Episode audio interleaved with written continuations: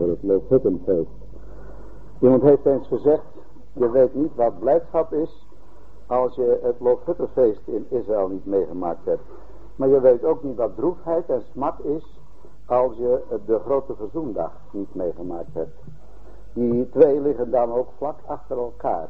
En het Loofhuttenfeest is ongetwijfeld ook onmogelijk zonder de beleidenis en zonder het kennen van het werk van de verzoening.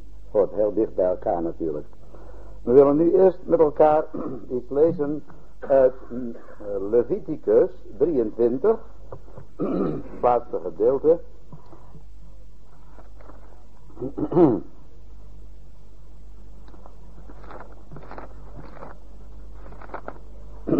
We lezen dan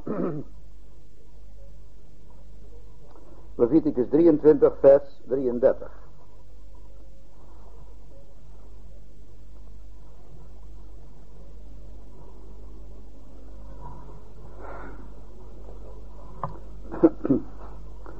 En de Heere sprak tot Mozes zeggende. Spreek tot de kinderen Israëls zeggende. Op de vijftiende dag van deze zevende maand zal het feest der loofhutten zijn. Zeven dagen den Heere. Op de eerste dag zal een heilige samenroeping zijn. Geen dienstwerk zult gij doen. Zeven dagen zult gij den Heere vuur offeren, offeren. Op de achtste dag zult gij een heilige samenroeping hebben. En zult den Heere vuuroffer offeren. Het is een verbodsdag. Gij zult geen dienstwerk doen. Dit zijn de gezette hoogtijden des Heeren, welke gij zult uitroepen tot heilige samenroepingen, om den Heere vuuroffer, brandoffer en spijsoffer, slachtoffer en drankofferen, elk dagelijks op zijn dag te offeren. Behalve de sabbatten des Heeren, en behalve uw gaven, en behalve uw geloften, en behalve al uw vrijwillige offeren, welke gij den Heere geven zult. Doch op de vijftiende dag deze zevende maand, als gij het inkomen des lands zult ingegaderd hebben, zult gij des Heeren feest zeven dagen vieren. Op de eerste dag zal er een rust zijn en op de achtste dag zal er rust zijn. En op de eerste dag zult gij u nemen takken van schoon geboomte palmtakken en meien van dichte bomen met beekwilligen. En gij zult voor het aangezicht des Heeren uw Gods zeven dagen vrolijk zijn. En gij zult dat feest den Heere zeven dagen in het jaar vieren. Het is een eeuwige inzetting voor uw geslachten. In de zevende maand zult gij het vieren. Zeven dagen zult gij in loofhutten wonen alle inboorlingen van Israël zullen in loofhutten wonen, opdat uw geslachten weten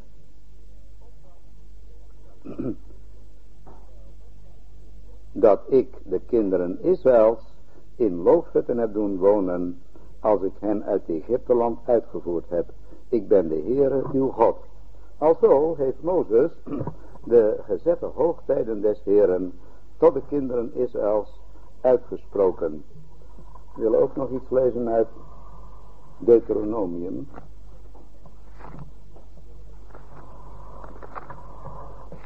Uit het boek Deuteronomium nemen we nog iets uit hoofdstuk 16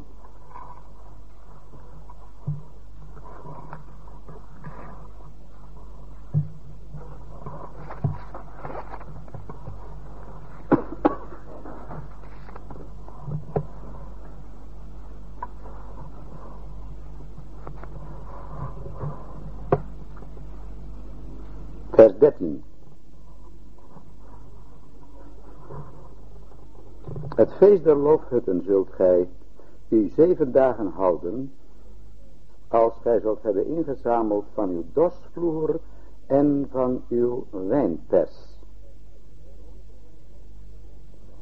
En gij zult vrolijk zijn op uw feest, gij en uw zoon en uw dochter en uw dienstknecht en uw dienstmaagd en de leviet en de vreemdeling en de wees en de weduwe die in uw poorten zijn. Zeven dagen zult gij den Heere uw God feest houden, in de plaats die de Heere verkiezen zal. Want de Heere God zal u zegenen in al uw inkomen, in al het werk uw handen, daarom zult gij immers vrolijk zijn. Driemaal in het jaar zal alles wat mannelijk is onder u voor het aangezicht des Heeren uw Gods verschijnen, in de plaats die hij verkiezen zal. Op het feest der ongezuurde broden, en op het feest der weken, en op het feest der loofhutten. Voorlopig tot zover.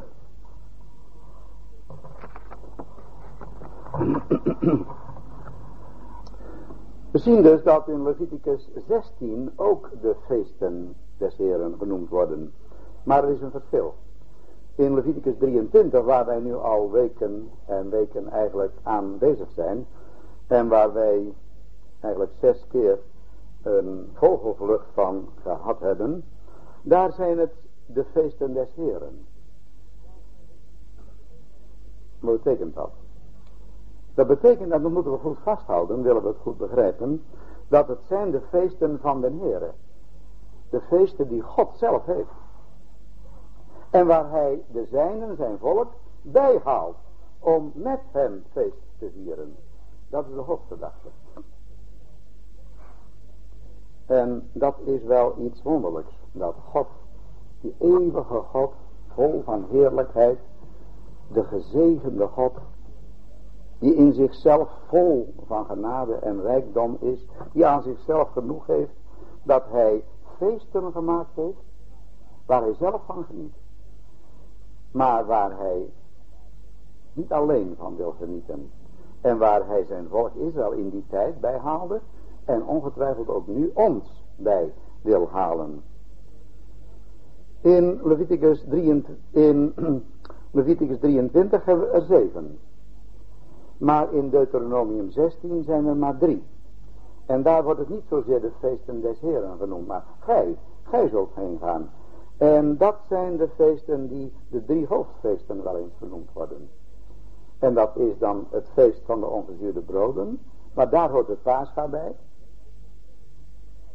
En het feest der weken, het tweede, in Deuteronomium 16. En daar hoort het feest van de garf der eerstelingen bij. Want we hebben toen gezien bij onze bestudering, het paascha en het feest der ongezuurde broden is eigenlijk één geheel. En dan krijg je de opstanding, de garp der eerstelingen. En het feest der weken, dat ook een oogstfeest was. De garp der eerstelingen, dat is de eerste vrucht van de gerstenoogst. En het feest der weken is de eerste vrucht van de tarweoogst. En dat is een periode, dat oogstfeest, dat duurt zeven weken. Dat wil zeggen, het begint met de garf der eerstelingen. En dat was een gerstengarf, een schoof, die aan God geofferd werd. Een beeld van de opstanding van de Heer Jezus. De eersteling uit de dood. En dan het feest der weken. Dat kan, wordt ook wel eens genoemd het Pinksterfeest. En dat feest dat was de inzameling van de korenoogst. Het laatste gedeelte van de oogst van de koren. En dat was de tarweoogst. En we hebben gezien, dat stelt voor de oogst die God nu heeft op aarde onder de gemeente. Eh, die bestaat uit alle gelovigen, uit heidenen en uit joden. En dat is het oogstfeest. Dan krijg je het derde gedeelte. En dat is dan de roeping van Israël, de bazuinen, bazuingestoot, bazuingeschal. In de tweede plaats de grote verzoendag. En in de derde plaats het loofhuttenfeest. En dat wordt dan in Deuteronomium 16 als derde feest gezien. Deuteronomium 16 dus. Pascha en ongezuurde broden. Tweede, dat is genoemd het feest der weken. Maar daar wordt de opstanding van de gaat der eerstelingen bij. En het feest der loofhutten. Daaraan gaat vooraf de roeping van Israël. De beleidenis van Israël. Dat ze erkennen dat zij de verzoening van Christus nodig hebben. De bron van alle ware zegen. En dan daaraan volgen en daar nauw mee verbonden het feest van de loofhutten. En dat feest van de Loofhut is ook een oogstfeest. Namelijk, u zult misschien zeggen als je dat tarwe gehad hebt, dan heb je toch alles gehad. Maar nee, dan komt de wijnoogst nog. En wijn herinnert ons aan blijdschap. En herinnert ons aan vreugde. Wat gesproken in, de, in Leviticus 9 vers 13. In Richteren 9 vers 13. De wijn die het hart van God en mensen vrolijk maakt. Van God, waarom? Omdat God de wijn gebruikt, met eerbied gesproken, in het drankoffer. Als er een offer gebracht werd in het Oude Testament, een echt offer, namelijk een brandoffer op het brandofferaltaar, dan moest er altijd een spijsoffer opgelegd worden van meel. Dat betekende, dat brandoffer, dat betekende de dood van de Heer Jezus, dat dier moest sterven. En dat werd helemaal verbrand tot een liefelijke reuk voor God. En in de tweede plaats werd daar dan meel opgelegd. Bloem, meelbloem. En dat was een beeld van het leven van de Heer Jezus. Zoals hij hier, dat is geen bloedig offer, maar dat is zijn leven hier op aarde, dat hij in zijn leven God verheerlijkt heeft. Een spijsoffer werd erbij gevoegd. En dan daaroverheen wijn. En dat betekent de vreugde. En dan in dit opzicht de vreugde die God de Vader heeft in het werk wat de Heer Jezus heeft volbracht op het kruis. Eeuwige vreugde. En God ziet dat. Toen de Heer Jezus daar stierf aan het kruis, was het verschrikkelijk. Het was natuurlijk een lijden, onuitsprekelijk lijden, maar over alles heen ziende werd daardoor het raadsbesluit van God vervuld. Wijn is dus een beeld van de vreugde. En dat is ook het loofhuttenfeest. De uitbundige vreugde die straks aan zal breken voor Israël. Want dat hoofdstuk, we hebben het gezien reeds, Leviticus 23, is profetisch. Het ziet vooruit op de Heer Jezus. In de eerste plaats Pascha, het storting van het bloed, veilig achter het bloed.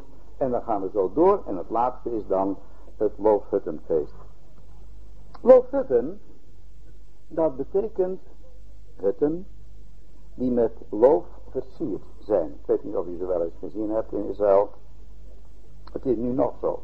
Als het Loofhuttenfeest is, ik denk ongeveer in oktober, na de Yom Kippur, weet u wel, na de grote verzoendag, dan kun je wel zeggen dat bijna iedere Jood een Loofhuttenfeest houdt. En dat doen ze mede ook voor de kinderen. En dat duurt zeven dagen lang. En dat is een herinnering aan de tijd dat het volk van Israël uit Egypte getrokken was. Dat ze dus eigenlijk een verlossing meegemaakt hadden. God had hen verlost uit het land Egypte. En toen woonden ze in de woestijn en daar woonden ze in hutten, in tenten. Maar eens per jaar, dan werden die hutten werden versierd. Met, we hebben het gelezen, met palmtakken en met meien en van beekwilligen en zo. En dat was een teken van de blijdschap en van de vreugde. En nu is dat in Israël nog. U zult misschien zeggen, hoe doen ze dat dan? Dat doen ze eenvoudig. Het, als ze een huis hebben op de plattegrond of een alleenstaand huis, dan zullen ze hoogstwaarschijnlijk in de tuin een prieel maken. En dat is dan van takken. En dat is schitterend versierd met vierlandes enzovoort. En s'avonds verlicht. Ik heb eens mee mogen maken in Eilat, in de zuidelijkste punt van Israël. Dat wij uitgenodigd waren bij een familie. Daar zou s'avonds bijbelbespreking bezig. En het is daar natuurlijk warm, vooral in oktober. En toen kon je je ogen bijna niet geloven. Een heel groot prieel. En schitterend verlicht. Aantrekkelijk om te zien. En fantastisch eigenlijk om te zien. En daar zaten die broeders en zusters allemaal met een bijbel voor zich. Onvergetelijk is dat. Maar iemand die dat niet heeft, die heeft misschien een flat. Die zit misschien op een flat. Ja, dan heb je geen begane grond. Nou, dat heeft dus wel raad op. Dan gaan ze die, dat balkon wat ze hebben, want dat heeft bij iedere flatbewoner, dat gaan ze als loofhut inrichten.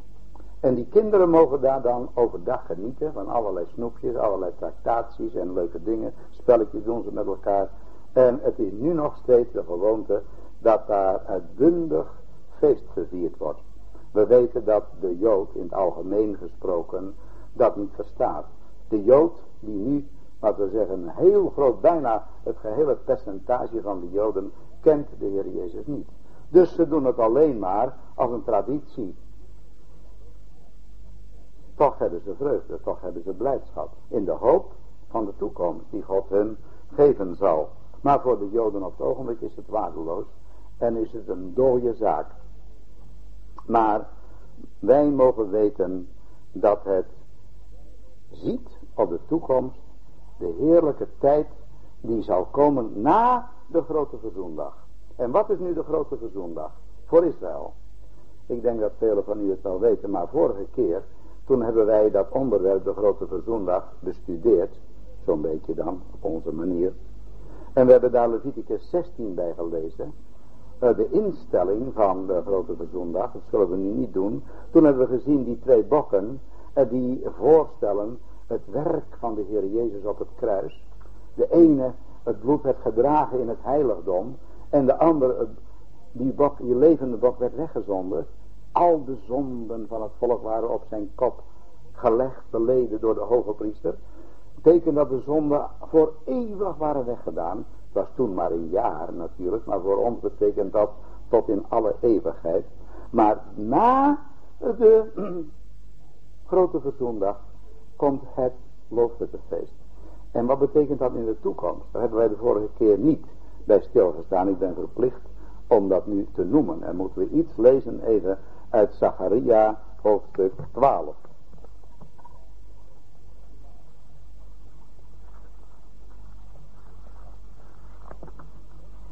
Een uit het laatste boek van het Oude Testament.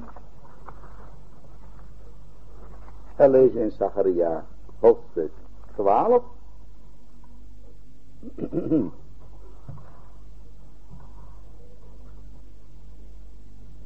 Vers 9. We kunnen niet uh, alles lezen. Het zou eigenlijk wel moeten. Om het beter te begrijpen. Maar u kunt het thuis nog eens overdoen. Hopelijk. Vers 9 van Zacharia 12. En het zal te dien dagen geschieden dat ik zal zoeken te verdelgen alle heidenen die tegen Jeruzalem aankomen. Dat is dan die tijd van die grote verdrukking. In onze inleiding heeft onze broeder gezegd die tijd van zeven jaar. Die spoedig te wachten staat, die tijd van ellende voor Israël. Kan elke keer komen, elke dag, wanneer de gemeente opgenomen is. Dan begint dat. En als die tijd voorbij is, dan krijg je vers 10. Doch, over het huis Davids en over de inwoners van Jeruzalem zal ik uitstorten de geest der genade en der gebeden. Die joden die nu nog zo ongelovig zijn, daar zal in die tijd, de eindtijd, na de opneming van de gemeente, een groot aantal mensen bekeerd worden. We hebben dat wel eens meer gelezen. In openbaring 7 vindt u dat. Daar vindt u de 144.000 verzegelden uit Israël. En die 144.000, dat heeft niets te maken met Jehovah getuigen natuurlijk. Maar dat zijn degenen die uit Israël zalig worden in de tijd van de grote verdrukking. En die zullen dan genoemd worden door God, gans Israël. In, in Romeinen 11, daar staat en alzo zal gans Israël zalig worden. Dat betekent niet alle mensen uit Israël, maar dat overblijfsel wat hier genoemd wordt. Gaan we nu even lezen met elkaar. En dat is een gedeelte, een fragment van Israël, komen we dadelijk nog aan toe. En die zullen dan bekeerd worden. En met hun rug staan ze op het ogenblik naar de Heer Jezus toe. Ze willen niet van hem weten. En ze zeggen hij is gekomen, maar dat was onze Messias niet. Dat was een mislukkeling. Dat was een fantast. Die meende dat hij de zoon van God was. Maar het is wel goed dat ze hem gekruisigd hebben. Nee, wij verwachten de werkelijke Messias. Die ons rijk zal oprichten en ons zal voeren naar de overwinning. Dat zegt de Jood. Die nu op het ogenblik leeft en niet bekeerd is. Maar dan zal God door middel van die grote verdrukking en door die onderdrukking van die antichrist en door het woord van God en door de prediking van het woord van God op een machtige manier zal in die tijd het woord van God gepredikt worden en dan zullen er velen van het volk der Joden bekeerd worden. Het is nog maar een gedeelte van het volk van Israël, maar God noemt hen gans Israël. Die zullen beleiden. Die zullen hem zien komen. Openbaring 1 vers 7. Ik moet het maar even uit mijn hoofd erbij halen. Anders dan kunt u het niet allemaal nakijken. Openbaring 1 vers 7. Alle oog zal hem zien. Ziet, hij komt met de wolken. En alle oog zal hem zien. Ook zij die hem doorstoken hebben. En dat krijgt u nou. Doch over het huis van David. En over de inwoners van Jeruzalem zal ik uitstorten de geest der genade en der gebeden. En zij zullen mij aanschouwen. Ziet u? Openbaring 1 vers 7. Wordt hieruit aangehaald. Dien zij doorstoken hebben. En ze zullen over hem rouw klagen. Als met de rouw klagen over een enige zoon. En ze zullen over hem bitterlijk kermen of leed dragen. Gelijk men bitterlijk kermt over een eerstgeborene.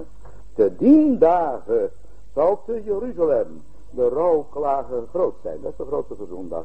Die praktisch dan uitgevoerd zal worden voor God. Dan zullen ze hun zonde beleiden. Gelijk die rouwklagen van Hadad Rimon in het dal van Megiddo. Daar is Josia in de tijd omgekomen. Hetzelfde getal, hetzelfde getal. Dat is het dal van Megiddo, dat is Armageddon.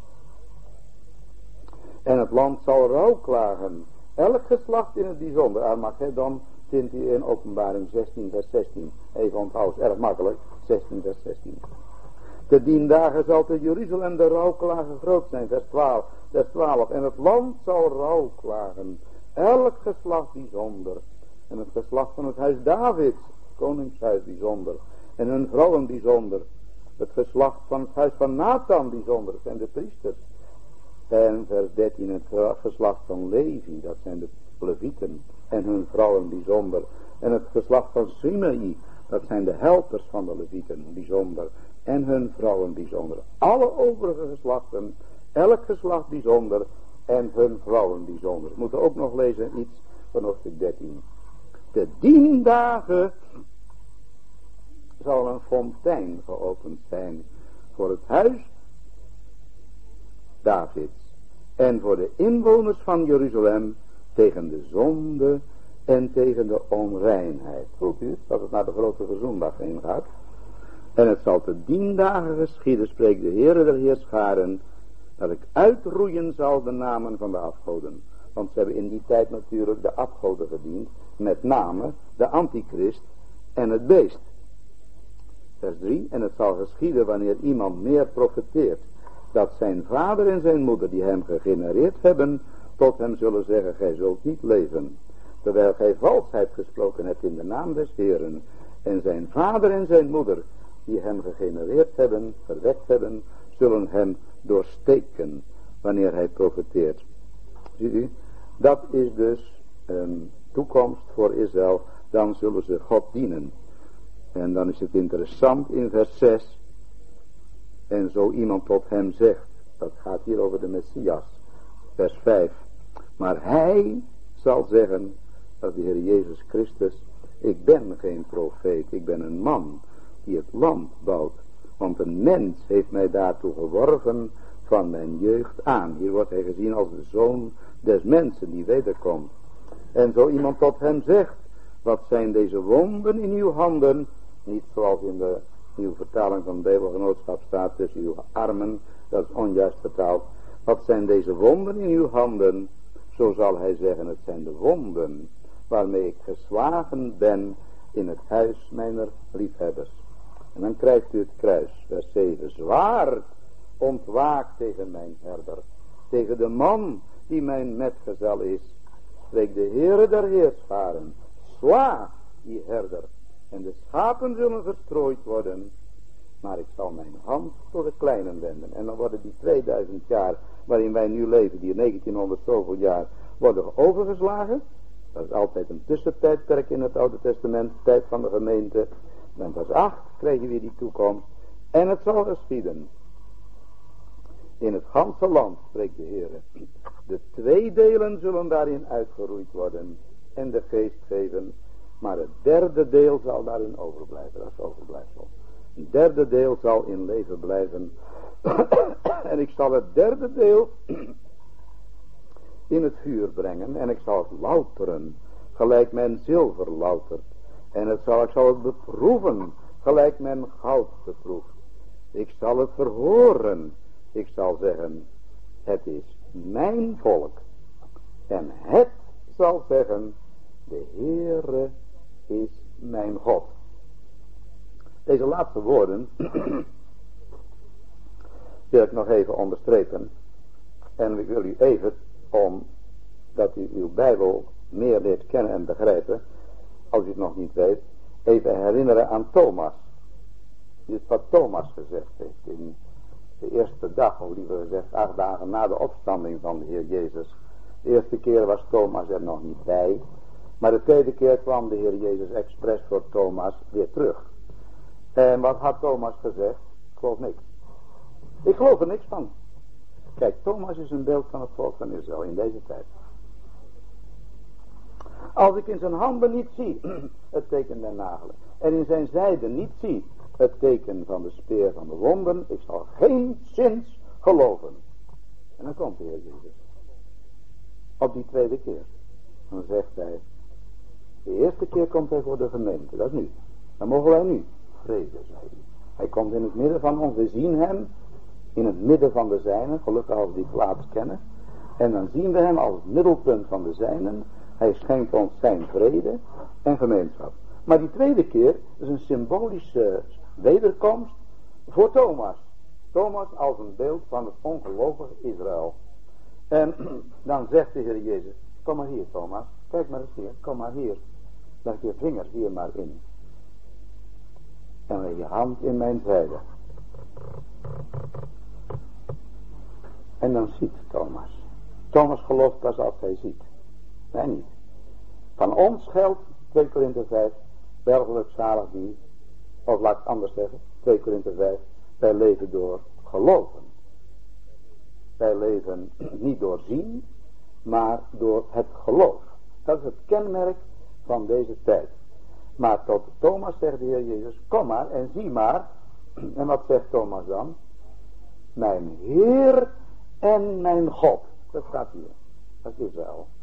Aan het eind van Zacharia 13. Het zal zeggen, de Heere is mijn God. En wat zegt de Heer Jezus dan tot Thomas?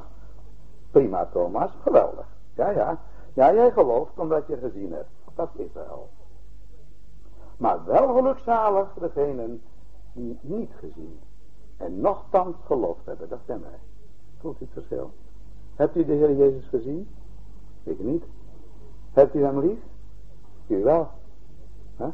Dat is een bewijs dat u bij de gemeente hoort. Dat u niet bij Israël hoort. Dat is het hemelse volk. We hebben dat in de voorgaande keren ook al gezien. Wij zijn verbonden met een verworpen Heer. Daar is smaadheid, verachting mee verbonden. Straks zal Israël, hier onder het beeld van Thomas, de Heer Jezus zien, erkennen, zich voor hem neerwerpen. Mijn Heer en mijn God hebben u gekruisigd, hebben u verworpen. Oh, nu moeten we wenen, nu moeten we huilen, nu moeten we jammeren. Nu is het goed. Alles is vergeven en nu begint het feest. Maar op aarde, voelt u het verschil? Dat wij helemaal niets te doen hebben met de aarde. Dat wij een hemelsvolk zijn. Onze wandel is in de hemelen. Van waaruit we ook de Heer Jezus Christus verwachten. Dat is het standpunt van de gelovigen van deze tijd verbonden met een verworpen hemelse Heer.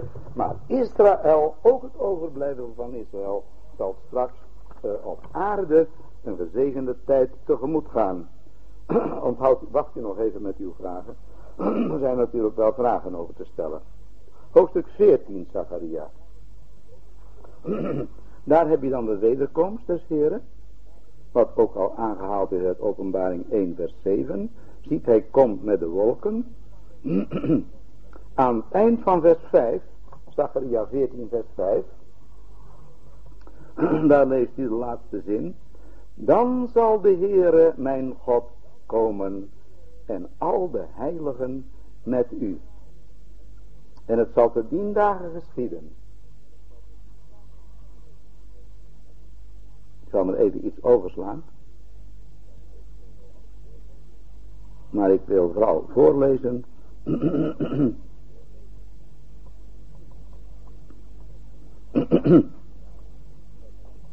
Waar staat dat zijn voeten op de olijfberg zullen staan, vers 4. vers 4. En zijn voeten zullen te dien dagen staan op de olijfberg. Uh, ik wil nog even bijvoegen dat sommige mensen zeggen dat is een geestelijke olijfberg. Maar dat klopt niet erg, want er staat bij die voor Jeruzalem ligt. En er staat ten overvloede nog bij tegen het oosten. Dat kun je nooit vergeestelijken. Dan moet je wel een heel grote fantast zijn. En de olijfberg zal gespleten worden. Moet dat ook geestelijk verklaard worden dan? Natuurlijk niet. En naar het oosten en naar het westen. Zodat er een grote vallei zal zijn. En er staat in vers 5. Dan zult gij vlieden door de vallei. Want de, de vijanden zullen nog zijn, de antichrist. En door die vallei zullen ze dan kunnen vlieden. En God zal hen in veiligheid stellen. Ziet u dus dat vers 4 staat. Zijn voeten van de Messias zullen te dien dagen op de olijfberg staan. En dan zal vers 5 aan het einde de Heere mijn God komen en al de heiligen met u. Maar even een vraag, stel ik er zomaar even tussendoor. Wie zijn die heiligen die met hem komen? Kijk, als je dat weet dus, dat wij nu de komst van de Heer Jezus verwachten elke dag. En dat hij gezegd heeft, ik kom spoedig. Dat heeft niets te maken met Israël. Dat is zijn komst in de lucht, 1 Thessalonica 4. Dat is zijn onzichtbare komst, in wolken. En dan wordt de gemeente, alle gelovigen van deze tijd, ook de ontslapenen, worden opgewekt en hem tegemoet gevoerd in de lucht. maar dat wordt door de wereld niet gezien. De wereld merkt alleen, er zijn een hoop lege plekken. Er zijn een hoop mensen verdwenen. Miljoenen. Maar dat is onzichtbaar. Maar dan komt hij ten tweede malen na de 70ste jaarweek van Daniel. Die moet nog vervuld worden. En die wordt dan vervuld. Er zijn 69 jaren vervuld. 69 maal 7 jaar. Tot op Messias de vorst. Punt. Dat is bij de dood. De Messias zal uitgeroeid worden en niets hebben. Daniel 9. En dan die 70ste jaarweek, waar zit die dan? Die komt nog. Dat is een tussentijdperk van de gemeente. Is ingelast. Hoorde er eigenlijk niet bij. Dat een geheim. Dat was een verborgenheid bij God verborgen vanaf alle eeuwigheid. Maar dat is nu inwerking, dat geheim. Dat staat in Efeze 3 en Colossense enzovoort. Dat geheimenis is aan Paulus geopenbaard. En als de Heer Jezus komt, dat is ook een verborgenheid. Zie ik zeg u een verborgenheid, een geheimenis. He? Wij zullen niet alle ontslapen, wij zullen allen veranderd worden. En als dat gebeurd is, dan komt de Heer Jezus, neemt de zijne tot zich in de hemel. De bruiloft van het lam wordt gevierd. En dan komt hij weder met zijn heiligen. Hij kan alleen wederkomen met zijn heiligen als hij ze eerst gehaald heeft. Dan zie je heel duidelijk dat er een eerste en een tweede komst des Heren is.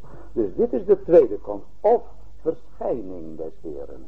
Colossense 3, daar staat Christus zal geopenbaard worden. Wanneer Christus geopenbaard zal worden, zult ook gij met hem geopenbaard worden in heerlijkheid. De eerste keer het verborgenheid, de opneming. Maar de tweede keer is het een openbaring, een ontsluiering, een onthulling. Dan zullen de mensen ons zien. Als wij komen met hem, om met hem te oordelen. Ja, dat is een onderwerp apart, maar in 2 Thessalonica 1, daar staat dat uitvoerig, dat wij dan met hem zijn glorie zullen zijn. Dat wij dan degene zullen zijn in wie hij verheerlijkt wordt. Als de mensen ons zullen zien, verschijnen met hem in heerlijkheid, dan zullen ze vast begrijpen wie de Heer Jezus is. Dat het niet zomaar een martelaar geweest is, maar dat hij een ontelbare schare van verlosten meebrengt, die al uit de heerlijkheid komen, die al hem gelijkvormig zijn. Dan zullen ze zeggen, wat een verlosser is dat? Dan zullen ze wel moeten geloven. En dan zijn er veel mensen die dan in die tijd, die dan komt, in dat vrederijk, in het Loofhuttenfeest zullen bekeerd worden. En dan krijgt u nog verder in Zacharia 14. Het laatste hoofdstuk van Zacharia. Daar staat dan bijvoorbeeld in vers 9. En de Heere zal tot koning over de ganse aarde zijn. Te dien dagen zal de Heere één zijn. En zijn naam zal één zijn. Vers 11. En ze zullen daarin wonen. En er zal geen verbanning meer zijn. Want Jeruzalem zal zeker wonen. En dan krijg je over het Lofutenfeest. Dat is in vers 16. En het zal geschieden dat al de overgeblevenen van de heidenen, die tegen Jeruzalem zullen gekomen zijn, die zullen van jaar tot jaar optrekken om aan te bidden den koning, den Heere der Heerscharen, en om te vieren het feest der Lofutten. Dan zullen ze moeten. Als ze dat niet doen, dan zullen ze gestraft worden. Dus daaruit zien wij dat dat in de toekomst op een heerlijke wijze zal gevierd worden.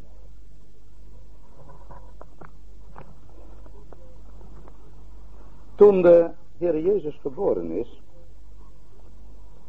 toen hebben de engelen gejuicht.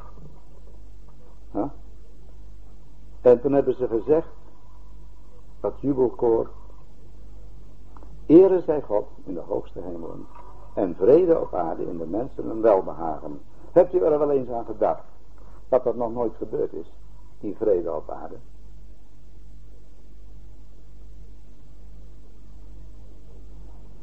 Er is nog nooit vrede op aarde geweest sinds Adam en Eva gevallen zijn.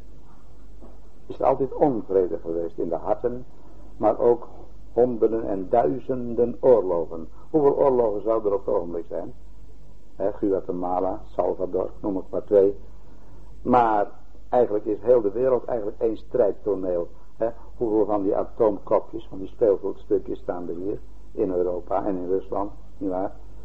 En u weet het wel, één zo'n ding kan natuurlijk heel Amsterdam in de, in de leggen. En als het moet heel Nederland. We leven op een vulkaan. We leven in een tijd van oorlog en ellende eigenlijk. We hebben vrede in onze harten, maar er is geen vrede op aarde. Wat de engelen toen gezegd hebben bij de geboorte van de Heer Jezus. Vrede op aarde, omdat dat kindje geboren is. Omdat hij sterven zal. Er is geen vrede op aarde, nog niet. Dat komt. Dat was toekomstmuziek. En wanneer zal het gebeuren worden? Hier. Na de grote verzondag. Dan komt het feest. Die vrede op aarde zal komen als de Heer Jezus verheerlijkt met zijn bruid, die dan zal wezen de vrouw van het lam. Dan zal die vrede op aarde op deze wereld gegrondvest worden. Zal dat een heerlijke tijd zijn. Hebt u er wel eens over nagedacht wat dat vrederijk zal zijn? Hebt u wel eens over nagedacht hoe lang het duren zal? Even uit openbaring 20.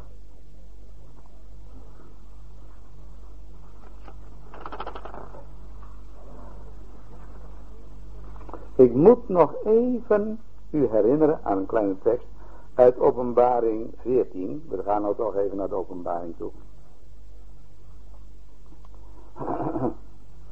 Misschien zegt u wel, toen ik daar straks verteld heb van die wijnstokken, die gesneden worden, en die heerlijke vruchten, die er dan zullen zijn, de wijn der vreugde, hebt u misschien wel eens gedacht, maar ik heb toch wel eens iets anders gelezen. Dat ik nu even u voorlezen, met u, met u lezen, in openbaring 14. Want de wijnoogst in de schrift heeft twee betekenissen. Enerzijds vreugde en anderzijds oordeel. Dat lezen we hier in openbaring 14. Eh, openbaring 14 vers 18. En een andere engel die macht had over het vuur kwam uit het altaar en hij liep met een luid geroep tot hem die de scherpe sikkel had en zei, zend uw scherpe sikkel en snijd de trossen van de wijnstok der aarde, want zijn druiven zijn rijp. En de engel wierp zijn sikkel op de aarde en sneed de wijnstok der aarde en wierp in de grote wijnpersbak van de grimmigheid van God. En de wijnpersbak werd buiten de stad getreden. Zie je dat dat het oordeel is? En er kwam bloed uit de wijnpersbak tot aan de tomen van de paarden. 1600 stadien ver.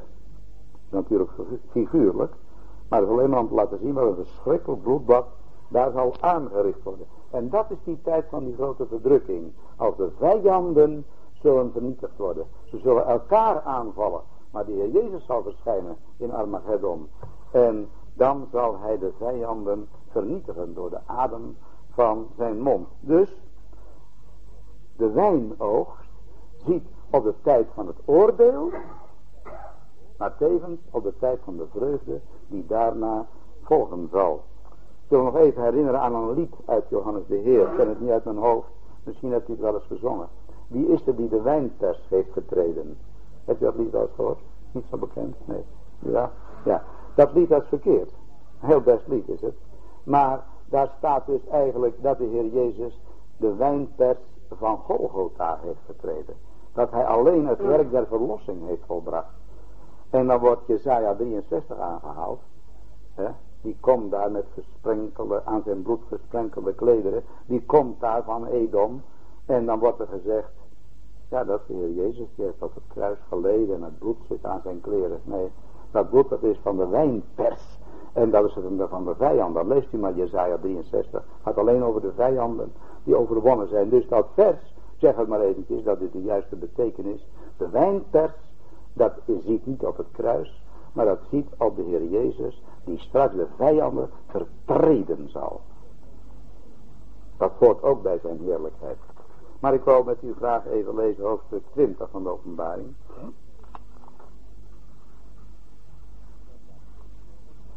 Daar staat zes keer wordt gesproken over duizend jaar. Openbaring 20. En ik zag een engel nederdalen uit de hemel die de sleutel van de afgrond en een grote keten in zijn hand had. En hij greep de draak, de oude slang, dat is de duivel en Satan. zijn vier namen, zijn geen van allen erg mooi. De draak, dat is zijn schrikbarende macht.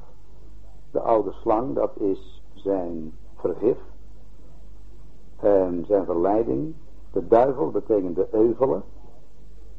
En de Satan betekent de tegenstander. Vier karakters van de duivel. En bond hem duizend jaren. Dat is de eerste keer. En dat betekent, moeten we maar eventjes even onthouden. Als het vrederijk zal komen, als het Loofhuttenfeest zal komen, de vervulling van het Loofhuttenfeest, dat kan alleen maar, ja op grond van het werk van de Heer Jezus. Maar dat kan alleen maar als de duivel eerst in de gevangenis komt. Hier komt de duivel nog niet in de hel. Hoewel we in Matthäus 25 lezen dat de Heer Jezus zegt tot de bokken, gaat heen in het eeuwige vuur, dat bereid is voor de duivel en zijn engelen. Dus voor wie is de hel bereid? Voor de mensen? Helemaal niet. De hel is bereid voor de duivel.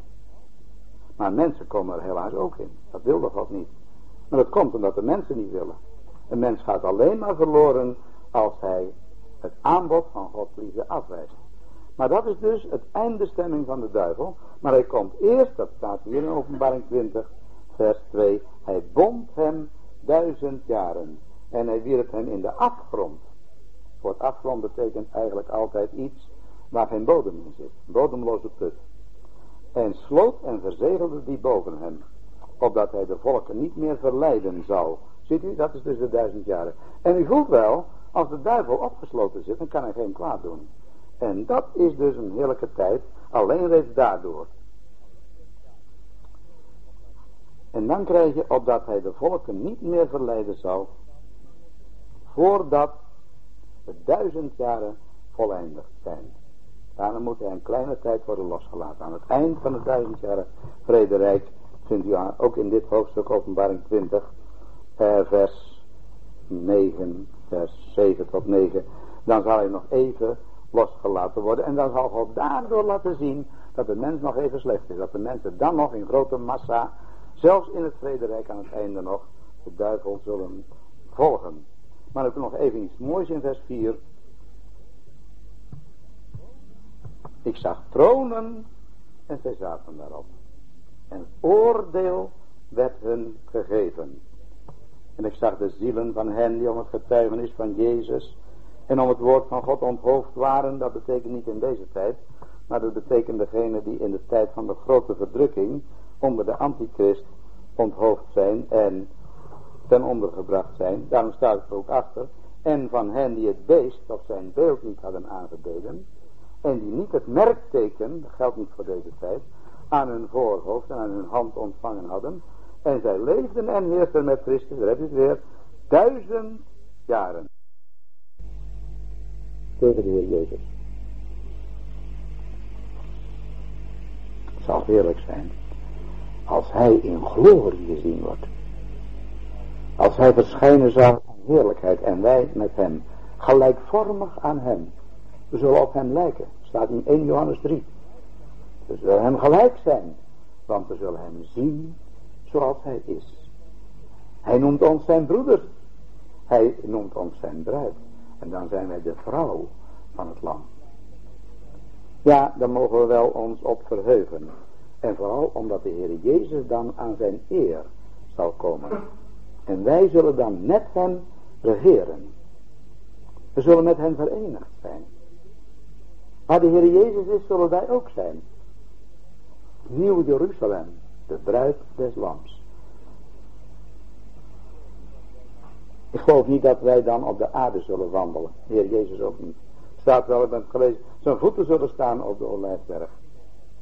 Maar ik geloof dat hij op aarde een iemand zal hebben, staat in Ezekiel, bijvoorbeeld hoofdstuk 46, de vorst.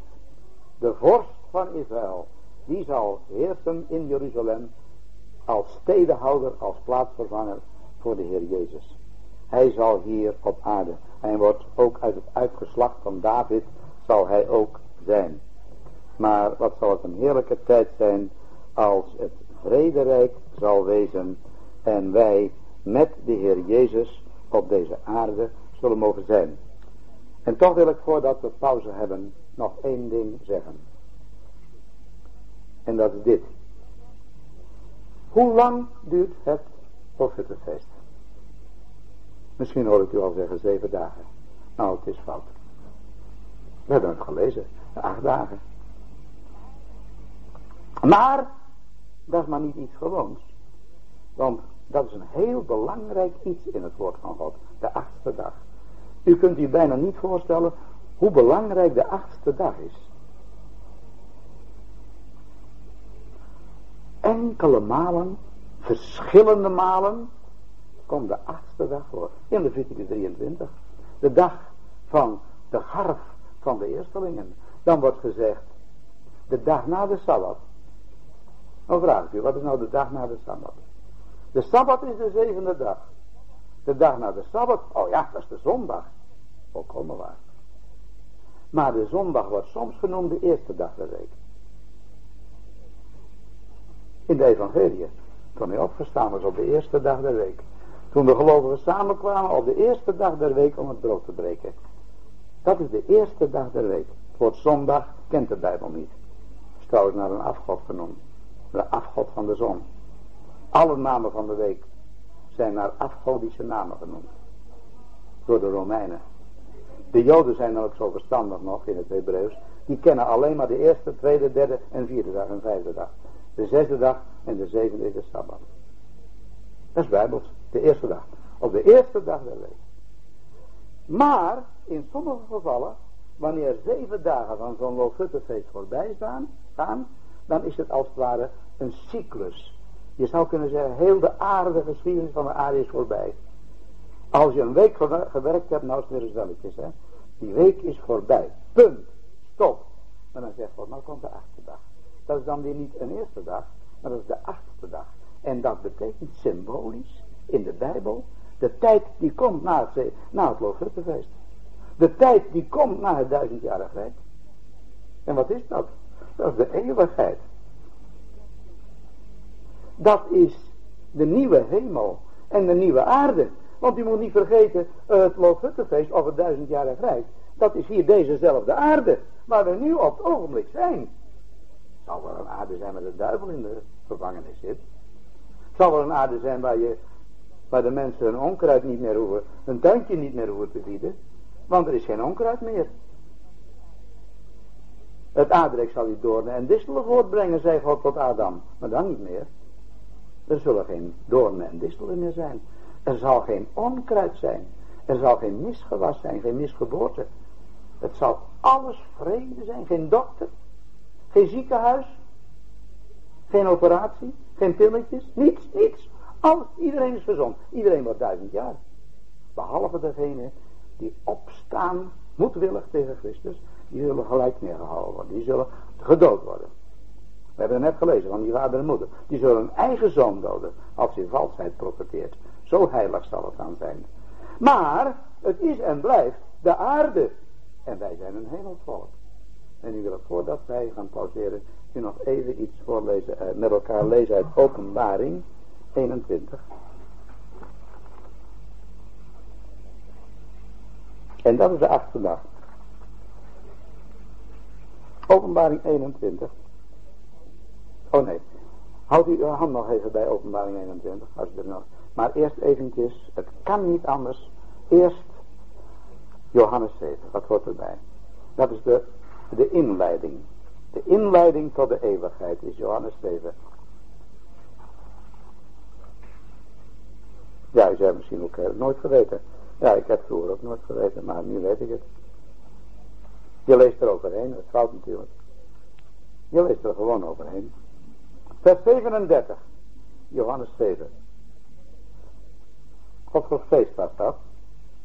Het was feest.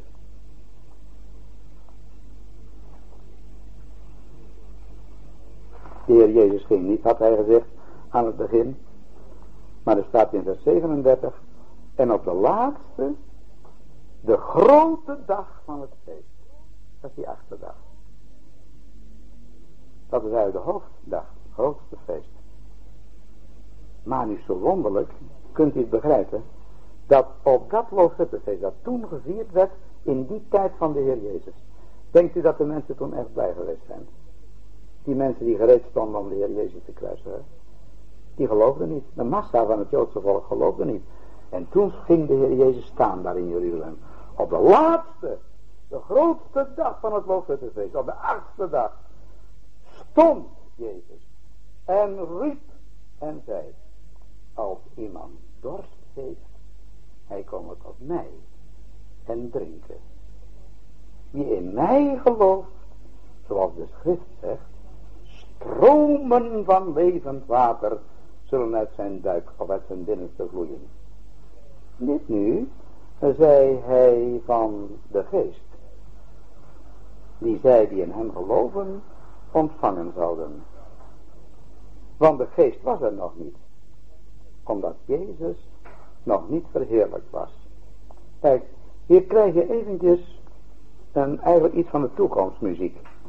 Want je krijgt hier ja, we zijn bijna klaar. Half, pa, een minuut nog, een paar minuten, twee minuten.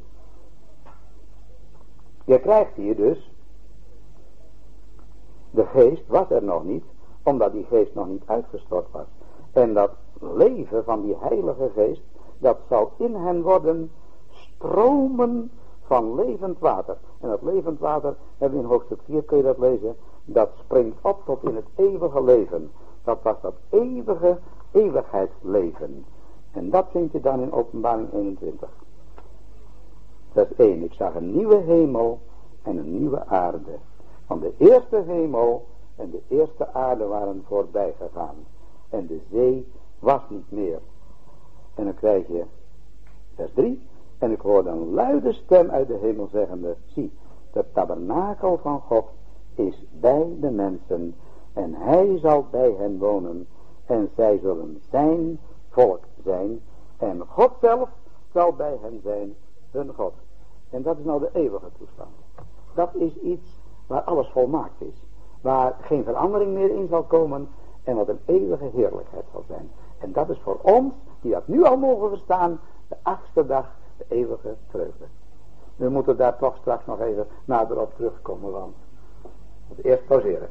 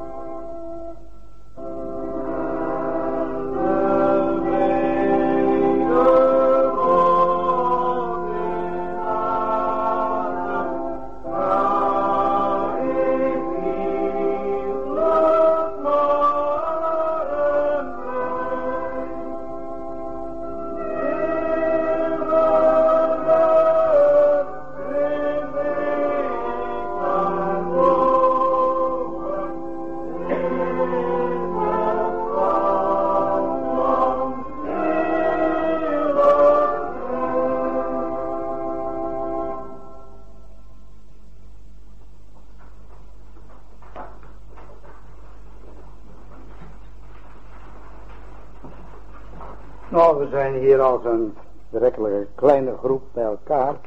We hoeven ons niet te generen voor elkaar, dacht ik zo. En misschien zijn er toch nog wel mondelinge vragen. En indien niet, dan ga ik misschien aan jullie wel vragen. Maar dat hoeft niet. Uh, heeft iemand zo nog een idee? Of een nadere uiteenzetting of een andere gedachte. Dus hier vrijblijvend dan nog hier zo uitpraten tegenover elkaar. Hè? Het gaat hier maar heel familiair naartoe, naartoe niet officieel.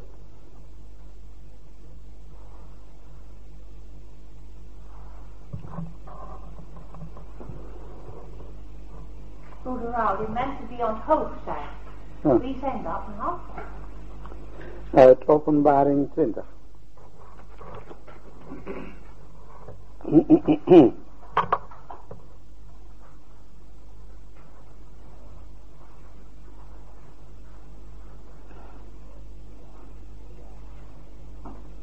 Ja.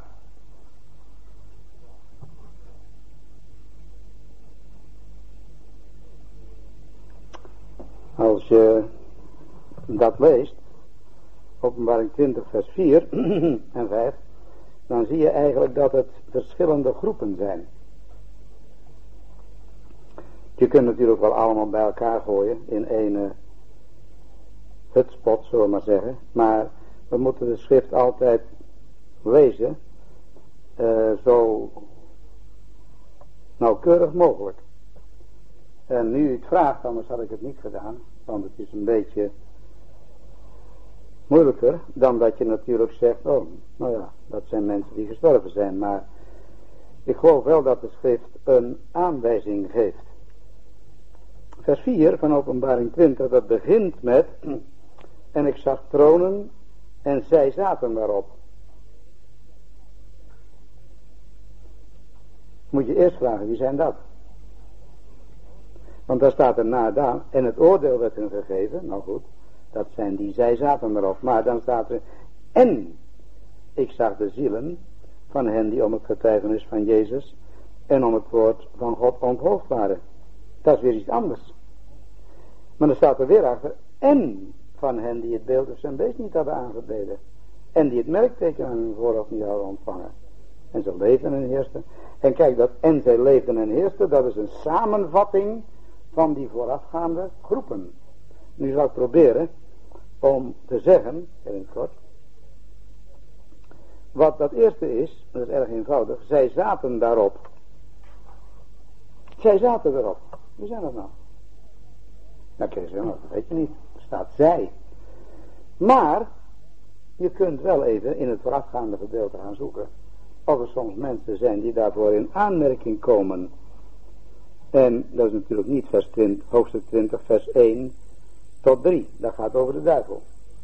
Dus dat moeten we uitschakelen. En dan vers 17 tot 21 van hoofdstuk 19 ook niet, want dat gaat over het oordeel. En eigenlijk ook vanaf vers 11. Daar heb je de wederkomst des Heren. Dus je moet even teruggaan. Nou, wat heb je daar dan?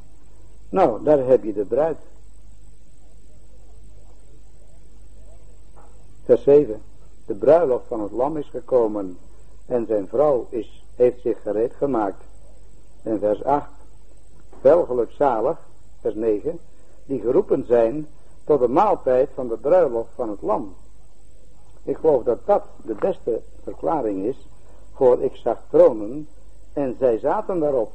Dat zijn de gelovigen van de gemeente en ook degenen die gestorven zijn van Israël, uh, die al vanaf Adam opgewekt zijn en die dan aan de bruiloft van het lam zullen deelnemen, hoewel ze niet alle de bruid zijn. En dat is de eerste groep, waarvan geldt, einde van vers 4, zij leefden en heersten met Christus de duizend jaren. Nu krijgt u eigenlijk uw vraag pas. En ik zag de zielen van hen die om het getuigenis van Jezus en om het woord van God onthoofd waren. Dan moeten we even naar hoofdstuk 6. Want dat ligt verder terug. in openbaring. Vers 9. En toen het lam het vijfde zegel opende, zag ik onder het altaar de zielen van hen die geslacht waren, om het woord van God en om het getuigenis dat zij hadden. Voelt u wel? Dat klopt aardig, hè? Ja, maar even verder lezen. En zij riepen met luide stem en zeiden, tot hoe lang, o heilige en waarachtige heerser, oordeelt en wreekt gij ons bloed niet aan hen die op de aarde wonen. Uit vers 9 en 10, vooral uit vers 10, blijkt dat dat een andere groep is. En waar kun je dat vooral aan zien? In de eerste plaats dat ze hier gezien worden onder het altaar. Symbolisch is dat. Degene die dus omgekomen zijn en hun zielen op het altaar gelegd hebben. Maar vers 20, daar roepen zij om wraak. En dat is nou iets heel moois om dat even te onthouden. Klein tipje maar uit de Bijbel. En dan mag ik het u even zeggen, dat is niet de gemeente. Dat zijn niet de gelovigen van deze tijd. Dat kan niet. Of anders gezegd, dat is niet de gedachtegang van God. Dat gelovigen die in deze tijd leven, wraak afroepen van God over hun vijanden. Dat zijn oud-testamentische gelovigen, of anders gezegd, het zijn degenen die horen bij deze aarde, en ze zijn wel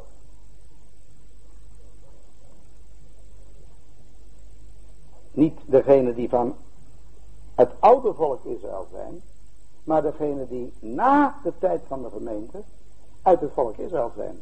En die roepen om wraak. Kijk, zodra de gemeente opgenomen is, dit, wij, wij roepen niet om wraak, wij bidden om zegen voor onze vijanden, als het goed is. Ja, dat is ons kenmerk. Wij zijn een hemelsvolk. Maar de gelovigen die na dat de gemeente opgenomen is, op aarde zullen leven, daar zijn er vele bij die, of anders gezegd, die hebben de oud-testamentische gedachtegang. Die kennen de Heer Jezus eigenlijk nog niet. We hebben er net gehoord, dat die zullen ze pas zien als hij wederkomt. En daarom zijn er wel ook gelovigen bij. Maar dat zijn degenen die niet het nieuwtestamentische standpunt hebben. Die roepen om wraak. En dat is een bewijs dat het een andere groep is als zij zaten daarop. Ik zag tronen en zij zaten daarop. En het oordeel werd hun gegeven. Wij zitten op tronen. Dat wordt van die anderen niet eens gezegd. Ik zag, dat is het tweede gedeelte van vers 4. De zielen van hen die om het getuigenis van Jezus en om het woord Gods onthoofd waren. Nu krijgt hij een volgende groep. En van hen die het beest of zijn beeld niet hadden aangebeden. Wie zijn dat? Dat zijn weer anderen. Die anderen leefden voor die tijd. Maar die waren in openbaring 6 al onder het altaar. Maar hiervoor moeten we naar hoofdstuk 13. Openbaring 13. Bekende gedeelte. Er staat in openbaring 13 vers 15. En het werd hem gegeven, dat is de antichrist. Het werd hem gegeven aan het beeld van het beest adem te geven. Opdat het beeld van het beest ook zou spreken. En maken dat allen die het beeld van het beest niet aanbaden, gedood zouden worden. Dat is openbaring 13. Dat is degene die leven onder de regering van de antichrist. Dat is dus de derde groep. Eerste groep, ze zaten erop op de troon dat is de gemeente. En de oud-testamentische heiligen die opgewekt worden bij de komst des Heren. Tweede, eh, dat is de groep van degenen die onder het altaar zijn. En ook gedurende de grote verdrukking gestorven zijn. Maar niet in het land Israël. Niet onder de regering van de antichrist. En dat geldt wel van hen die het beeld of zijn beest niet hadden aangebeden. Maar van die drie groepen wordt dan gezegd aan het eind van vers 4. En zij leefden, samenvatten, en zij leefden en heersten met Christus de duizend jaren. En ik ben blij dat u die vraag toch even stelt. Want daaruit blijkt dus dan uit vers 5. De overige der doden werden niet levend voordat de duizend jaren voleindigd waren. Wat betekent dat? Dat betekent aan het eind van het tweede gedeelte van vers 5. Dit is de eerste opstanding. Wat is nou de eerste opstanding? De eerste opstanding, 1 Korinthe 15, Dat is de eerste in Christus. 1 Korinthe 15. Daarna die van Christus zijn. Bij zijn komst. Dat is openbaring 20 vers 4. Begin. Die zijn Heer Jezus wederkomt in de lucht. Wij, de gemeente, worden veranderd. Daarna die van Christus zijn. Openbaar, uh, 1, uh, 1 Korinthe 15 vers 24 tot 28. Maar die eerste opstanding, de eerste in Christus, die eerste opstanding horen wij ook bij, want er wordt nog iets bij. En dat zijn die twee groepen die in de uh, grote verdrukking omgebracht zullen worden. Wanneer zullen die opstaan? Die zullen opstaan, er staat daarna is het einde, staat er in 1, 1 Korinther 15 bij.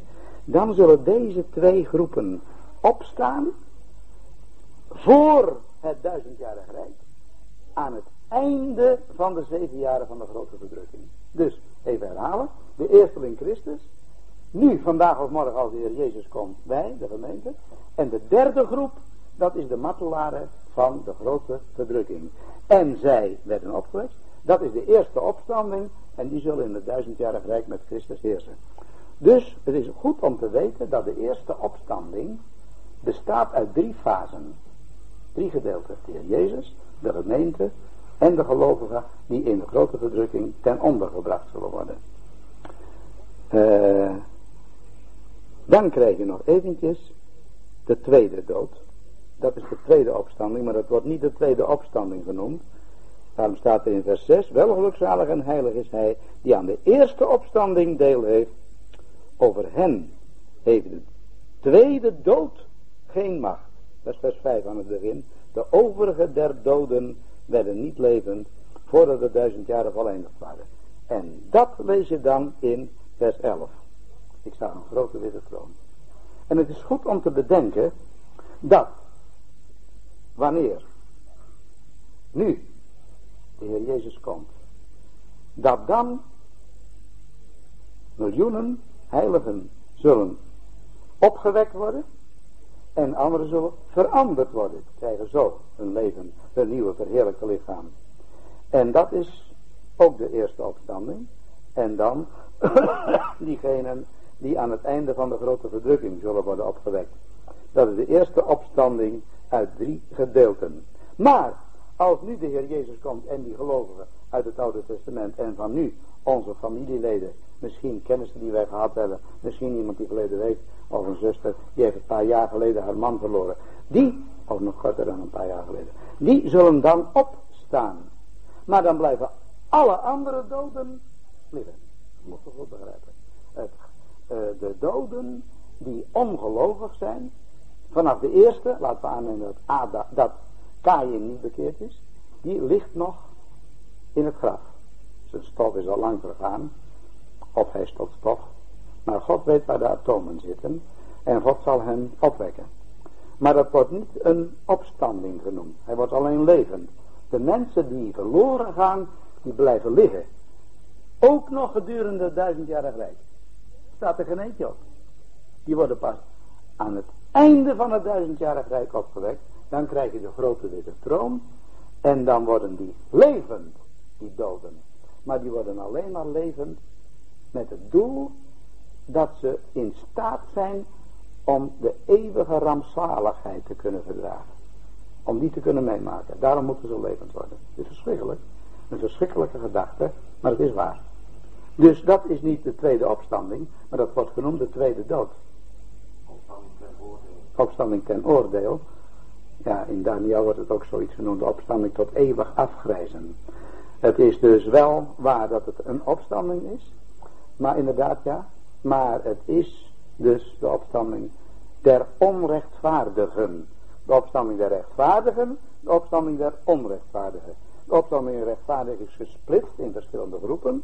Maar de opstanding der onrechtvaardigen is datgene wat aan het einde zal plaatsvinden. De grote en de kleine. Dat betekent niet ouden en de jongen. Maar dat betekent de mensen die een grote plaats op aarde ingenomen hebben voorname mensen en onvoorname zullen alle geoordeeld worden naar hun werken, helaas. Je hebt nog wat.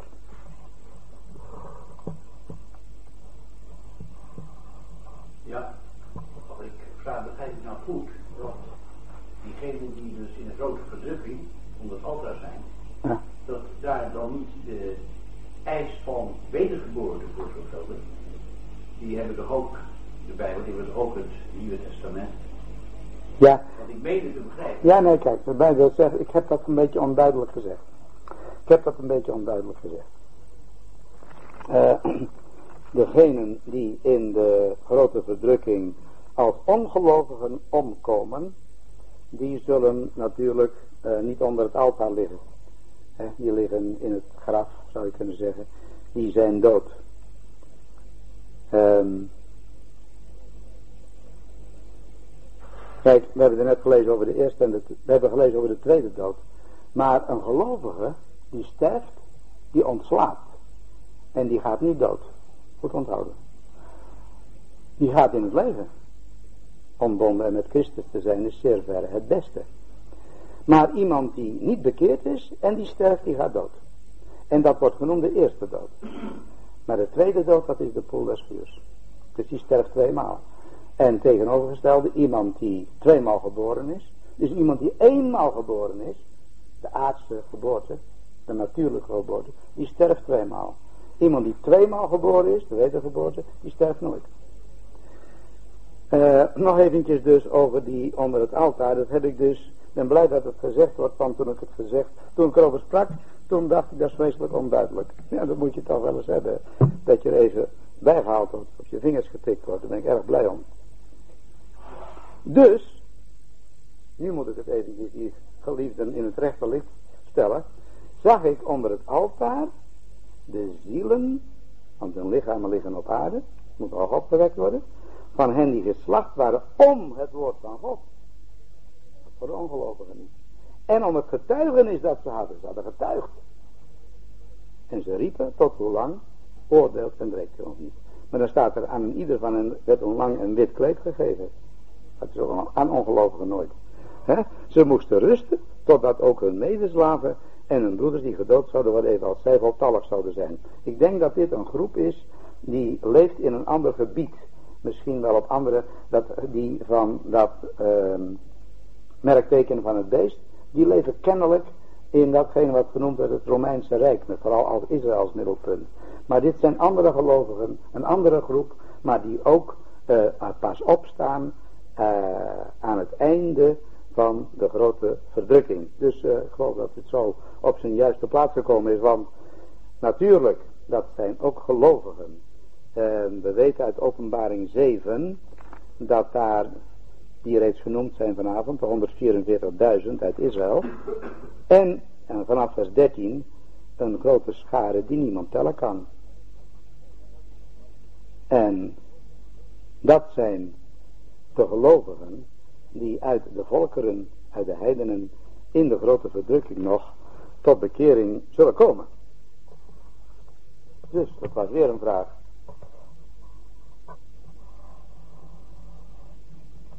Ik had nog een kleine opmerking. En dat is uit Deuteronomium. Oh ja, tussen twee haakjes nog eventjes iets dat misschien wel interessant is. Uit Jeremia uh, eh, 16. Er zijn sommige mensen die zeggen, hoe zou het nou met die joden zijn? Zouden ze nou allemaal wel in hun land komen? Maar er staat in Jeremia 16 vers 16. Daar zegt God profetisch door middel van Jeremia 16 vers 16. Zie, ik zal zenden tot vele vissers, spreekt de Heer, die zullen hen vissen. En daarna zal ik zenden tot vele jagers, die zullen hen jagen. Want, vers 17, mijn ogen zal gericht op, zijn gericht op al hun wegen. Als je even terugdenkt aan het Sionisme, dat is ongeveer omstreeks het begin van deze jaartelling in het aanzijn geroepen, onder andere door Theodor Herzl. En het eerste Sionistencongres dat toen gehouden is in Basel. En dat Sionisme bestaat nog steeds, maar het Sionisme, dat zijn die rabbies die aan de Joden gezegd hebben, jullie zijn het volk van God en jullie moeten terug naar je land. En er zijn velen die daarheen gegaan zijn en die hebben dat bewerkt. En die hebben reclame ervoor gemaakt. En zo zijn er duizenden, tienduizenden, honderdduizenden Joden door vissers. Die mensen hebben ze gevist. En zo, een visser die gaat rustig zitten en die gaat kijken of hij iemand verschalken kan. Dat gaat niet met velen tegelijk meestal, misschien wel in een net. Maar vissers, dat gaat zonder lawaai. En die, um, die Sionisten, die hebben de Joden als vissers opgevangen en getrokken naar hun land.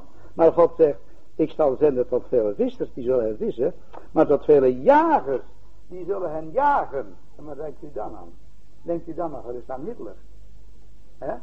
En degene die nu op het ogenblik, ook in de laatste tientallen jaren, de Joden eigenlijk achter de vodden zitten. En de antisemieten, antisemitisme, de haat tegen de Joden. En dat zijn de jagers. Vooruit, anders zullen je doodmaken. En zo heeft God die vissers en die jagers gebruikt om het land Israël vol te maken. Want hij wil in Israël de Heer Jezus laten regeren. Hij moet verheerlijkt worden. En de Heer Jezus, die moet koning zijn. De koning der Joden. Dat is de Heer Jezus. Hij zal daar heersen en wij met hem. We moeten altijd bedenken als het gaat over de toekomst. Dan is altijd de Heer Jezus het middelpunt. Hij moet verheerlijkt worden. Hij is de koning. En wij zullen met hem heersen. Daarom is het juist zo verkeerd als je in deze tijd al heerst. Heersen, politiek bedrijven, dat is niet voor de gelovigen in deze tijd. Nu is het lijden, veracht worden, vervolgd worden en straks heersen. Degenen die nu willen heersen, die zijn alleen maar een paar jaar te vroeg. Ik wil nog één opmerking maken over nummerie 28.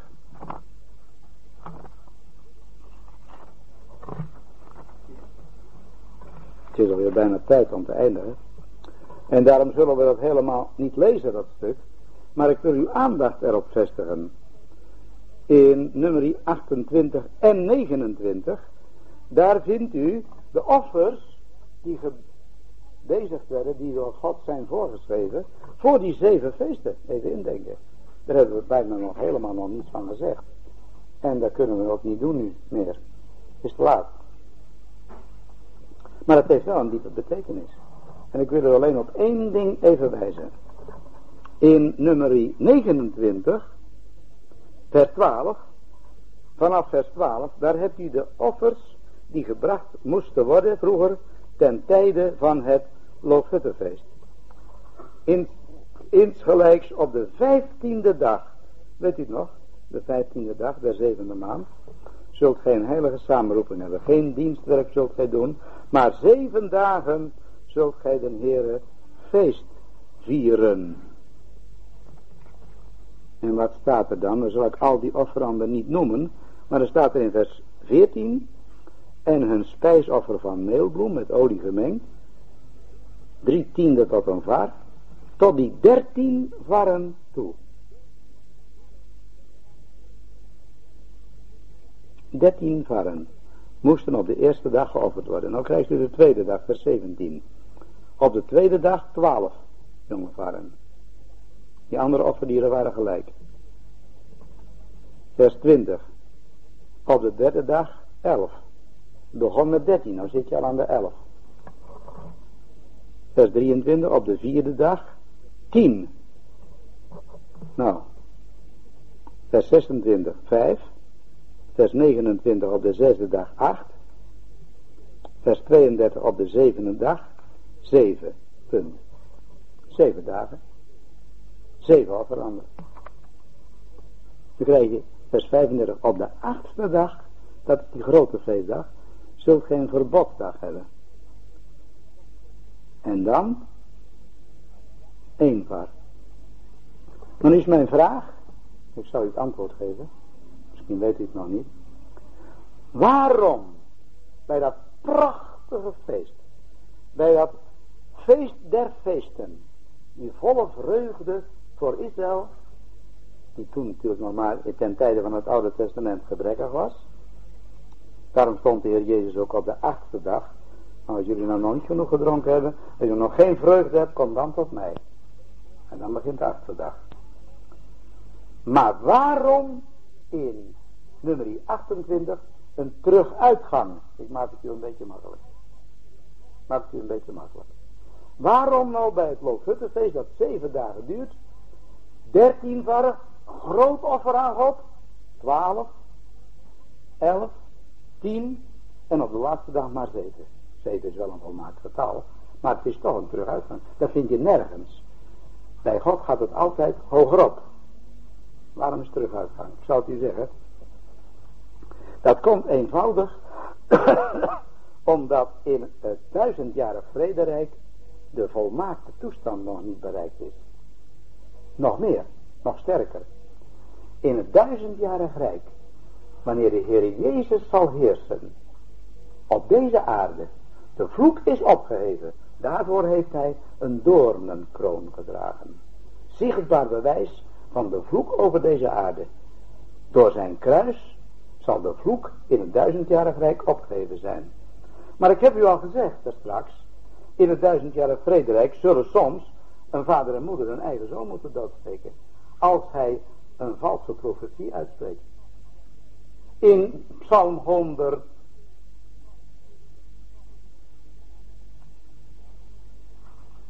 acht misschien. 109 denk ik. Ja.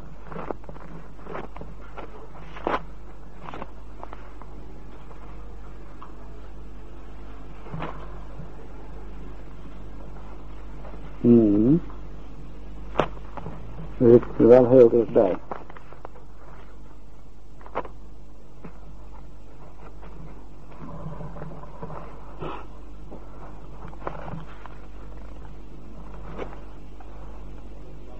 Ik bedoel die tekst. Hij zal elke dag uit het land de onrechtvaardige uitroeien. Hè? Hè? Oh ja. Je zit er wel dichtbij. 101. Hm? 101, ja. Ja, dat komt wel goed uit, want uh, tussen twee haakjes, in uh, Psalm 96, of eigenlijk 95, tot en met 101 is het duizendjarig rijk. Dat gaat steeds verder. Bij met Psalm 97. De Heere regeert. De aarde verheugen zich. Denkt u dat dat nu al is? Natuurlijk niet. Psalm 96, zing den Heere een nieuw lied. Zing den Heere gij ganse aarde. Heer Jezus wordt vervloekt op de ganse aarde op het ogenblik. Maar Psalm 101 dat is de laatste daarvan. Ik zal van goede tierenheid en recht zingen. Dat is natuurlijk nu ook niet. Maar het laatste vers daarvan is vers 8. Alle morgen zal ik, dat is de Messias, de goddeloze des lands verdelgen. Om uit de stad des Heren alle werkers der ongerechtigheid uit te roeien. De Heer Jezus zal de volmaakte rechter zijn en zal elke dag recht oefenen. Dat betekent elke dag zullen er in, in het duizendjarig rijk nog onrechtvaardigen gevonden worden. Dat betekent zij die in openbare opstand komen tegen de Heer Jezus. Er wordt gesproken ook in het psalmen, de vijanden zullen zich geveinsdelijk onderwerpen. Ze zullen veinzen zich voor hem te buigen, maar niet in oprechtheid. En daaruit komt dan voort dat in het duizendjarig rijk de volmaakte toestand niet is, maar nog erger, dat er een teruggang is. Zodat, ik heb het u daar straks al gezegd, staat aan het staat in openbaring 20, aan het einde van het vrederijk, dan zal Gog en Magog, die zullen al de volkeren der aarde nog vergaderen om krijg te voeren tegen het land. En dan komen ze allemaal naar Jeruzalem en zullen proberen de heilige stad in te nemen. En dan komt vuur uit de hemel en zal hen verderven. Maar dat betekent dus in het vrederijk van de Heer Jezus. Aan het einde, dan gaat de mensheid nog opstaan. Om, want dan wordt de duivel een klein postje losgelaten uit zijn gevangenis. En dan zal de duivel nog weer de harten van de mensen die nog niet geboren zijn, opwekken om weer opnieuw tegen Christus op te staan. Dan kun je de wanhopige toestand zien van de mens die nog niet bekeerd is. Onverbeterlijk slecht. Voelt u het? 13 offeranden, 12, 11, 10 tot op 7. Het is al volmaakt, maar er is een teruguitgang. Zelfs in het duizendjarig vrederijk. Begrijpt u? En nu gaan we verlangen, daar moeten we mee eindigen, met die eeuwige toestand. Ik zag een nieuwe hemel en een nieuwe aarde, waarin gerechtigheid woont. Tegenwoordig heerst de ongerechtigheid. We even goed vasthouden. De ongerechtigheid heerst ook in de gerechtshoven van de mensen. Er wordt onrecht gesproken, heel dikwijls. Dan zwijgen we nog maar over Rusland.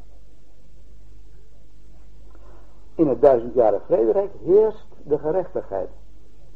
Bij Peter 3. Waar de gerechtigheid, we verlangen naar de, die dag waarin de gerechtigheid heersen zal. Maar in de eeuwige toestand heerst de gerechtigheid niet meer. Want heersen dat betekent, er moet nog iets onderdrukt worden. Maar in de eeuwige toestand waarin gerechtigheid woont. Dat is de eeuwige heerlijkheid. En geliefde vrienden. Dan is een heerlijkheid voor ons gelovigen weggelegd. Die dan de bruid, de vrouw van het land zullen zijn. Wij zullen dan eeuwig met de Heer Jezus verbonden zijn. Of anders gezegd, waar Hij is, zullen ook wij zijn. Waar zullen alle mensen zijn? Waar zullen alle gelovigen zijn die geleefd hebben tot op het kruis? Op de nieuwe aarde. We hebben gelezen, en God zal bij de mensen wonen. Hun God. Ook degenen die na het tijdperk van de gemeente bekeerd zullen worden. We hebben er iets over gelezen. Zullen wonen op de nieuwe aarde. Ook degenen die in het duizendjarig rijk bekeerd zullen worden. En ik denk dat er onvoorstelbaar veel zullen zijn. Om bekeerd te worden terwijl de Heer Jezus heerst op aarde. Dat is erg eenvoudig.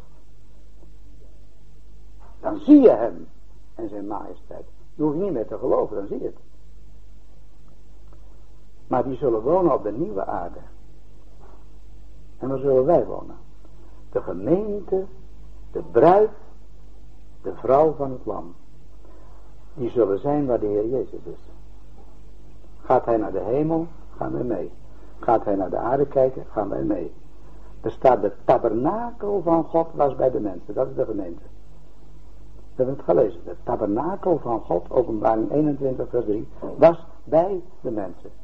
En die tabernakel dat is een woonplaats die niet blijvend is. Dat betekent die niet altijd op dezelfde plaats is. De tabernakel van Israël was dan hier en dan daar. Dat is een symbool voor het huis van God, ook in de eeuwigheid. Dan zal het zo zijn dat waar de Heer Jezus het goedkeurt zijn woonplaats, zijn verblijfplaats te zetten, dan zullen wij bij hem zijn. En dat is iets wonderlijks. Dat wij niet bij de aarde horen, maar zelfs in de eeuwige toestand horen we bij de hemel. Een nieuwe hemel en een nieuwe aarde. We moeten niet denken dat die mensen die op de nieuwe aarde zijn, dat die wat tekort zullen komen. Die hebben het misschien duizendmaal mooier dan wij ons nu de hemel voorstellen. Zo moet u zich dat voorstellen. De nieuwe aarde is onvoorstelbaar eeuwige gloed.